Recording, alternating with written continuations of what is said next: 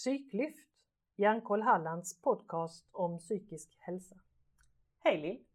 Hej Karina. Nu sitter vi här igen. Ja det gör vi. I Hjärnkolls eh, podd Psyklyft och eh, ska prata om eh, mer jobbiga saker idag. Vi är ju rätt bra på det vid det här laget, prata jobbiga saker. Vi kan prata jobbiga saker. Ja, Ja. kan vi. Ehm, Och vi, vi gör ju det väldigt mycket för att andra också ska Mm. Vilja och våga prata om jobbiga saker. Precis. Till exempel suicid. Självmord. Mm. Självmordstankar. Försök till självmord. Och i värsta fall lyckas. Och kanske, kanske i synnerhet hur man kan förebygga. Vill Säga, Absolut. I det här sammanhanget eftersom det nu är eh, suicidpreventionsveckan Mm. så behöver vi ju, för ska vi försöka fokusera på vad man kan göra för att förhindra dessa jobbiga tankar och känslor. och jag tänker, vi, vi pratar vi om suicid och självmord och så, men, men eh, varför använder man två begrepp egentligen? Är det, är det inte samma sak? Det, det är det ju, det betyder ju exakt samma sak. Självmord är ju detsamma som su, su, suicidal, Mm. självmordsbenägen. Mm. Så det är exakt samma. Jag vet inte varför de använder det begreppet. Nej. Låter kanske lite hippare. Mm. Nej, jag vet inte. Och jag tänker att vi kanske kommer använda ibland suicid och ibland självmord Mm. eh, när vi pratar här, men Nej, Vi- sak samma. vi menar samma sak. Japp, Mm. precis. Eh, Lill, berätta. Vad, vad, vad är din erfarenhet av suicid eller självmord? Ja, jag har ju eh, några, ett par, tre försök i bagaget, tyvärr. Eh, men det var ju det, det sista, vågar jag säga, var 2002. Och då, hade jag, då, då satt jag, alltså då var det ett sånt mörker kring mig och jag var så hopplös och jag hade hamnat i ett sånt svart hål där jag befann mig, långt ifrån mina nära och kära och familj etc. Eh, och jag såg ingen väg ut. Det var så svart och jag hade heller inte på den tidpunkten några verktyg att hantera alla de känslorna eh, som kom upp just vid det tillfälle eh, som blev väldigt, väldigt svårt för mig. Och har man dessutom eh, i mitt fall eh, svårt att kontrollera impulserna det var så mycket starka känslor och kunde inte rå på impulserna. Så då försökte jag för sista gången eh, ta livet av mig. Mm. Behöver inte gå in på hur eller så men eh, Nej, men du säger att du var, du var i ett svart hål långt från dina nära och kära. Det var inte bara det nej, svarta hålet. geografiskt alltså. Även Ja, geografiskt. just det. Jag var väldigt, väldigt ensam Mm. och allting var totalt hopplöst. Och det jag satt med, alltså känslan jag satt med att jag var ju 40 bast då liksom och nästan, eller jag var 40. Och eh, jag kände bara att så här skulle inte mitt liv ha blivit. Var tog det vägen liksom? Var, var, hur himmelens namn kunde jag hamna här? Mm. Och där, just i den stunden så kunde inte jag hantera det. Så, ja, Du sa du hade bekymmer att hantera din, din impuls, din impulskontroll. Ja, det ligger ju mycket i min diagnos, det här med EIPS eller borderline som det hette förr då. Men alltså ha den här instabila, emotionella instabila personlighetsstörningen, som det betyder. Mm. Eh, det ingår, i mitt fall så ingår just den här impulskontrollen, den är svår att hantera. Mm. När eh, saker och ting livet blir svårt. Mm. Vad, kan så- det, vad kan det bli utav det då? Alltså vad, vad hände med dig?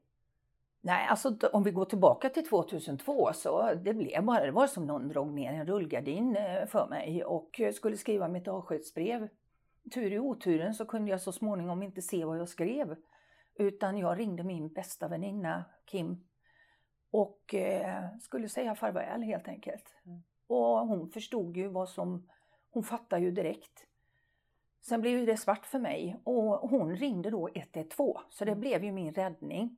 Sen vet inte jag vad som hade hänt men eh, dit vill man ju, jag vill inte tänka så utan men det var ju fruktansvärt skamfullt som vi har pratat om innan med skam. Mm. När man vaknade upp där på sjukhuset då Mm. och inte kom ihåg liksom. Och den här, dels skammen av att fy fan jag misslyckades till och med med det här. Så långt nere var jag. Mm. Och det var ju många utlösande faktorer på, faktorer på vägen som hade gjort att jag hamnade i detta mörka hål. Mm. Det var ju inte bara en sak utan det var massa saker under flera års tid. Vad var den utlösande faktorn? Det var att jag blev lämnad för 51 gången av min dåvarande man som jag var tillsammans med. Mm. Han stack alltid när det blev besvärligt. Mm. Och eh, det har jag väldigt svårt att. Det hade jag väldigt svårt för att hantera. Visste han vad, vad som skulle kunna hända Ja. om han försvann? Jajamän. Han var väldigt medveten om det. Mm. Det sket han i. Men eh, det, det var då som sagt var och då hade inte jag de verktygen som jag har idag. Mm. För det kan bli svart för mig eh, fortfarande men inte alls i samma utsträckning och så, så djupt. Mm. Tack och lov. Du sa att du kände skam för att du inte hade lyckats genomföra eller fullfölja. Men kände du inte en, alltså var det bara skam eller fanns det någon, någon Ja. glädje eller lättnad eller? Inte då. Nej. Inte med de första, första timmarna. Det var bara skam för att jag var misslyckad. Skam också för vad jag hade gjort, för att jag ställde till det känslomässigt för eh, jag och Kim framförallt. Eh, Detta pratade ju inte jag, det var, det var nästan ingen som visste om det här, eller det var ingen mer som visste om det. Än din bästa väninna? Än min bästa väninna. För att jag skämdes ju så. Mm. Så jag ville ju inte prata om detta förrän långt, långt senare. Mm.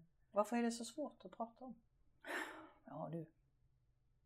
Det är det här att vilja ta livet av sig själv. Alltså att dö, att välja döden framför livet. Det är väl någon form av att man har lärt sig att det är otacksamt kanske att man inte... Jag kan inte sätta liksom, jag, jag kan bara prata för mig själv såklart Mm. och, och spekulera i det. Men jag kan tänka mig att andra tycker, jaha, är du så otacksam så att du liksom bara ska välja och, och sätta då din familj och dina vänner i skiten? Och liksom, jag är uppväxt med det också med, med en mamma som var väldigt psykiskt sjuk och också försökte att ta livet av sig vid flera tillfällen. Mm. Och det var, det var ju skambel, alltså de, de runt henne skambelade ju henne. Mm. Så det är klart att jag har väl hört det kanske där då att så gör man bara inte. Så jag, jag vet inte, men nu pratar jag bara för mig. Mm. Jag tror, och det är också, hur kan man göra så mot sin familj? Det är väl den första tanken som de flesta människor kanske tänker. Att hur kan du utsätta dina, din, dina nära och kära för någonting så hemskt? Att ta livet av dig. Vad egoistiskt, det är själviskt då. Och det, det tror jag är liksom den stora fördomen, eller vad ska jag säga? Ja, fördömandet ska jag nog eh, säga istället. Som människor har, för vi vet inte alltid vad som pågår inne i en person. Är, vet, vet, har du hört eller, eller vet du att det är det som människor tänker? Eller är det det som du tänker att andra människor Ja. tänker? Det får jag säga. Jag lägger inte någonting på någon annan. Utan det här tar jag på mig. Mm. Det här är mina tankar om vad jag kanske tror att andra människor tänker. Mm. Eh, så ja, svar på det. För det finns, ju, det finns ju statistik som visar att de allra flesta som tar livet av sig är deprimerade och, och därmed har någon form av psykisk ohälsa i botten. Och då tänker jag att det här som, som man då föreställer sig att andra människor tänker och som genererar den här skammen. Det kanske är någonting som, är, är, som inte är på riktigt utan vi har fördomar om vad andra människor tänker. Så kan det mycket väl vara. Mm. Absolut. För du behöver nödvändigtvis inte hamna eller vara eh, psykisk eh, sjuk, alltså ha en diagnos eller mm, du kan, du kan drabbas av en livskris Mm. och hamna i en psykisk ohälsa. Mm. Men du behöver ju inte ha en diagnos för det. Nej, precis. Och det är en stor skillnad. Mm. För alla kan ju hamna i en kris. Mm. Och beroende på vad du har med dig i bagaget, vem du är som person, så är vi olika på hur vi hanterar saker och ting och hur djupt krisen, eh, hur djup den är och hur länge den varar etc. Mm. Och vem du har runt dig. Och det jag tänker är viktigt att ha med sig också det är ju att om, om depression eh, får, får dig att tänka väldigt svarta tankar så finns det ju faktiskt hjälp att få mot depression. Men väldigt många får aldrig någon diagnos. Nej, just det. Precis.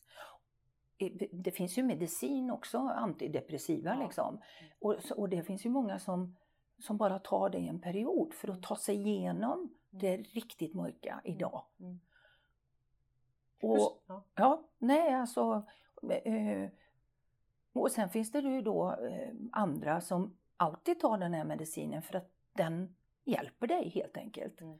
Nu säger inte jag att man ska ta medicin för att om du är eh, lite deprimerad eller så. Men när de här riktigt mörka och svåra tankarna kommer, då kanske, och vi kommer ju prata mer om det sen, men just det här att be om hjälp. Mm. Jag skulle precis fråga det. Ja, hur, hur svårt är det att be om hjälp? Ja, det är säkert som, det är ju svårt att svara generellt på det. Men hur svårt var det för dig? Alltså jag har ju, fick ju lära mig att, eh, jag lärde mig att be om hjälp för att jag hamnade, det var så illa så jag hamnade på psykakuten som ung vuxen. Eh, Väldigt motvilligt, för jag var livrädd för att jag skulle bli galen och bara och stanna kvar där i galskapen liksom. Eh, det gjorde jag ju inte utan jag eh, hamnade på psykakuten i Borås vid den tiden. Och eh, fick en psykolog som var superbra. Så för mig blev det en positiv upplevelse av det första mötet Mm. med denna psykologen. Mm. Och nästa gång jag mådde dåligt eller kom i en svacka, då, då visste jag att jag kan ju faktiskt eh, be om hjälp här. Mm. Så att jag har fått, jag har ju inte gett mig utan jag har faktiskt alltid bett om hjälp. Mm. Och det vill jag poängtera att det är det absolut viktigaste.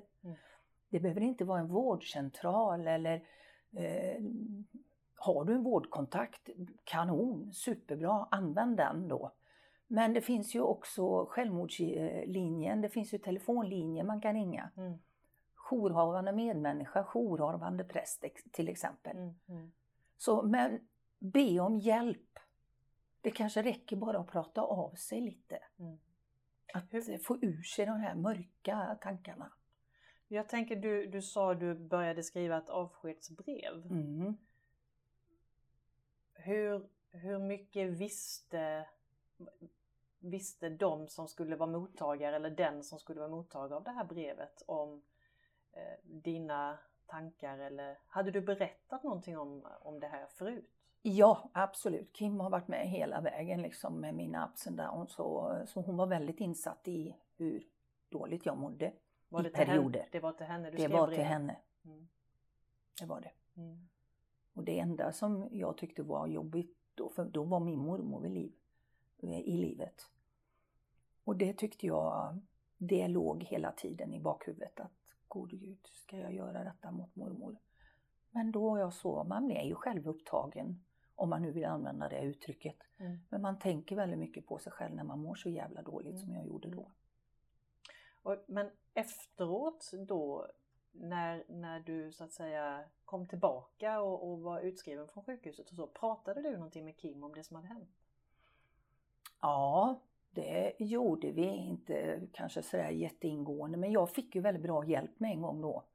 Jag eh, fick ett sånt här mobilt team som det heter i den kommunen jag bodde i. Jag bodde ju inte här i de här trakterna, jag bodde i storstan, Stockholm. Och i den kommunen så fanns det ett mobilteam, så jag hade ju under en tid, jag kommer inte ihåg hur länge, men det var ju flera veckor, som jag hade 24-7. Jag kunde ringa dygnet runt och det var alltid någon som lyssnade. Mm. Och var det riktigt illa så eh, bad jag dem att komma hem till mig en stund. Mm. Och då gjorde de det. Mm. Och så fick jag medicinsk hjälp också. Mm. Insomningstabletter och antidepressiva. Mm. Då. Och det hjälpte mig. Mm. Så jag fick bra hjälp. Fick Kim hjälp, något stöd? Nej, inte, ja, nej, det fick hon inte. Pratade ni någonting om hur det var för henne? Inte förrän flera år senare. Nej. Långt, långt senare. Mm. Eh, Hon hade det själv lite tufft just då eh, personligen. Eh, Så det var nog inte lätt för henne. Men vi har pratat om det långt senare. Mm. Har vi gjort. Mm. Och jag förstår ju ännu mer nu hur, vad hon fick gå igenom. Mm. Såklart, med oro och så. För det finns ju en myt om att man inte ska, man ska inte fråga någon som mår dåligt om de har tänkt att ta livet av Mm. sig eller begå självmord eller har funderat på det. Mm. Hur, hur tänker du kring det? Nej, det vill jag ju avskriva totalt. Det kan man visst fråga. Mm. För eh, det, det är så väldigt få, skulle jag vilja påstå, som blir igångtriggade.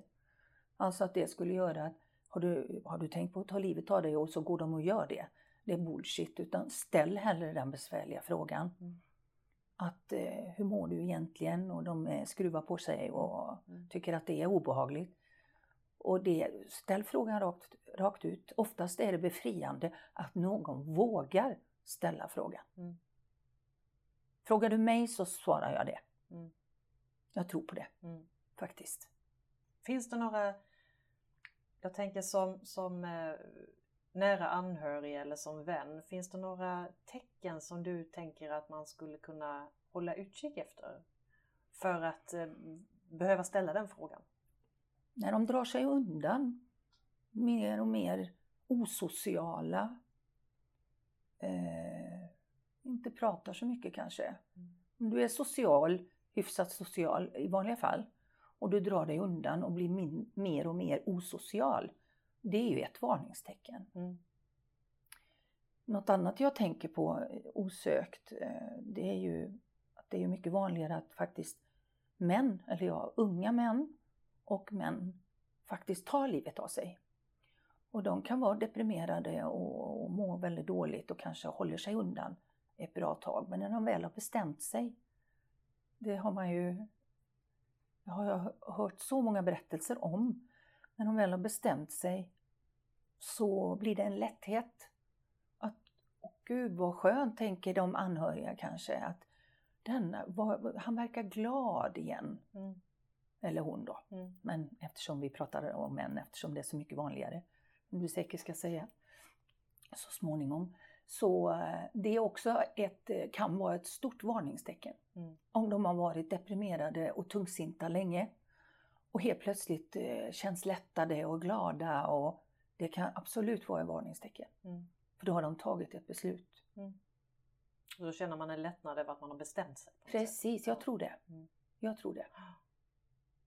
Och du, du sa att det, det är vanligare bland män. Och, Mm. och det, f- tittar man på svenska siffror så vet vi att ungefär 1500 personer om året eh, tar livet av sig. Japp. Och utav dem så är det ungefär dubbelt så många män. Så Mm, 1000 just det. män och 500 kvinnor. Just det. Mm. Och det, ja, det är... Och det är ju lite skrämmande men det är Mm. faktiskt sju, sju gånger fler personer som dör av självmord i Sverige än vad som dör i trafiken. Det är fruktansvärt. Ja, det är, det är, man kan undra eh, hur det kan bli så faktiskt. Nej, det, det, det kan man verkligen, det är en helt annan diskussion. Ja, Det kan man spekulera i, vad det beror på. ja. Det finns massor med spekulationer och teorier kring det. Men det är en annan diskussion som sagt, men det är Jag, tror att, skrämmande. jag tror att eh, mycket utav det här med skammen som du pratar om, att man inte, att man inte pratar om det helt enkelt, är en bidragande orsak. Eh, kan vi sticka hål på den skambubblan och, och ta hål på tystnaden kring eh, självmord och suicid så kanske vi har kommit en liten bit på väg. Att Precis. man vågar prata om det och, och därför vågar be om hjälp. Precis, Mm. exakt. Det, det är ju tanken, Mm. att vi ska kunna prata om det. För det, det är svåra saker. Mm. Och det är klart att det är inte det roligaste ämnet kanske att prata om. Men, ett stort men, är ju att ber man om hjälp och man får de rätta verktygen så går det att komma över det. Mm. Alltså det går att leva med, som i mitt fall. Alltså det är ju hoppfullhet i det också. Att jag har varit på det, på det stället och jag, idag mår jag, ja, jag mår ju bra alltså Mm. jämfört med hur jag har mått, Mm. så mår jag ju fantastiskt bra. Mm. Jag får ju alltid leva med min EIPS men jag mår ju bra idag för jag har ju verktyg som sagt var. Vad har du för verktyg? Hur, hur... Nej, jag, jag fick ju, eftersom jag har den diagnosen som jag har, så finns det någonting som heter DBT, men jag ska inte snöa in på det. För den är speciellt framtagen för just EPS. Men någonting som har varit otroligt bra för mig, som jag fortfarande använder, det är att acceptera alla dina känslor. Acceptera att nu är det jävligt jobbigt. Jag har en förfärlig dag idag. Det är tungt. Jag har ingen lust att gå upp. Och då kan ju det här liksom att man ska försöka förstå och gå igång. Varför och bla bla bla. Allt det där. Man försöker att släppa det. Att acceptera att det är så här. Och ha på något vis en förtröstan i att det faktiskt går över. Mm. Man observerar den här känslan. Man försöker acceptera. Och så stå ut. Mm. För det går över. Om du ber om hjälp. Om du inte har låtit det gå allt för långt. Mm. Som jag gjorde. Men med rätt hjälp och så småningom då rätt verktyg så har jag ju faktiskt hittat tillbaka. Mm. Och med väldigt mycket mer erfarenhet och kunskap i bagaget. Med vem jag är och Fast det har tagit många år Mm. att att plocka fram den personen. Men idag känner jag ju mig trygg på mig själv. Mm. Men eh, redskapen, det här med att acceptera och stå ut och observera liksom att det här utan att värdera, det var det jag skulle säga Mm. tidigare. Mm. Alltså att man observerar en känsla, till exempel skam eller skuld, utan att värdera och säga att det, att det är så hemskt att jag känner skam eller det åh så fruktansvärt att jag har alla de här skuldkänslorna och Mm. så. Mm. Inte värdera, det är känslor. Mm. Punkt slut. De är varken bra eller dåliga, de är bara. Och det, Och där, det är svårt. det där är, låter ju enkelt. ja, Nej, men det är det inte. Det är ju inte så enkelt. För jag tänker att alla av oss har säkert mer eller mindre en sån där inre kritiker. Mm, mm, oh ja. En röst som, som skriker på oss allt Mm. vi gör som inte är bra nog. Eh, och det, det är väl eh, kanske den som går igång också då och börjar värdera vad det är jag känner som du Precis. säger. Precis. Försöka att inte värdera, det tog ju mig många år. Mm. Va- va- Vare sig om det var bra eller snyggt eller vackert. Eh, ska man ju inte glömma av och, och kanske njuta också och tycka att naturen är vacker etc. Men just med sina egna känslor, försöka lägga värderingarna i garderoben Mm. och inte värdera dem vare sig det är gott eller ont. Liksom. Men jag tänker också det där, jag har ju själv kämpat mycket med att, att förstå vad det är jag känner, att känna igen mina känslor. Jag hade inte ord på dem. Eh, skulle du säga att det funkar också att bara konstatera att aj det här gör ont, alltså jag, det här, Ja. jag är ledsen, jag mår inte bra. Precis. Är det tillräckligt? Kan man börja där? Ja, det tror jag. Absolut. Alltså just det här att godta att man har de här svåra känslorna även om man inte kanske kan sätta ord på dem, vad det är eller varför de är där och etc. Mm. Så, så tror jag det, absolut, det tror jag räcker att ja, ja, men jag, jag är ju den jag är och jag har rätt till mina känslor. Mm. Nu känner jag så här. Mm. Och så på något vis, och blir det då besvär, för besvärligt så du känner liksom att du tappar kontrollen över eh, att ta hand om dig själv. Det är då man ska be om hjälp. Mm.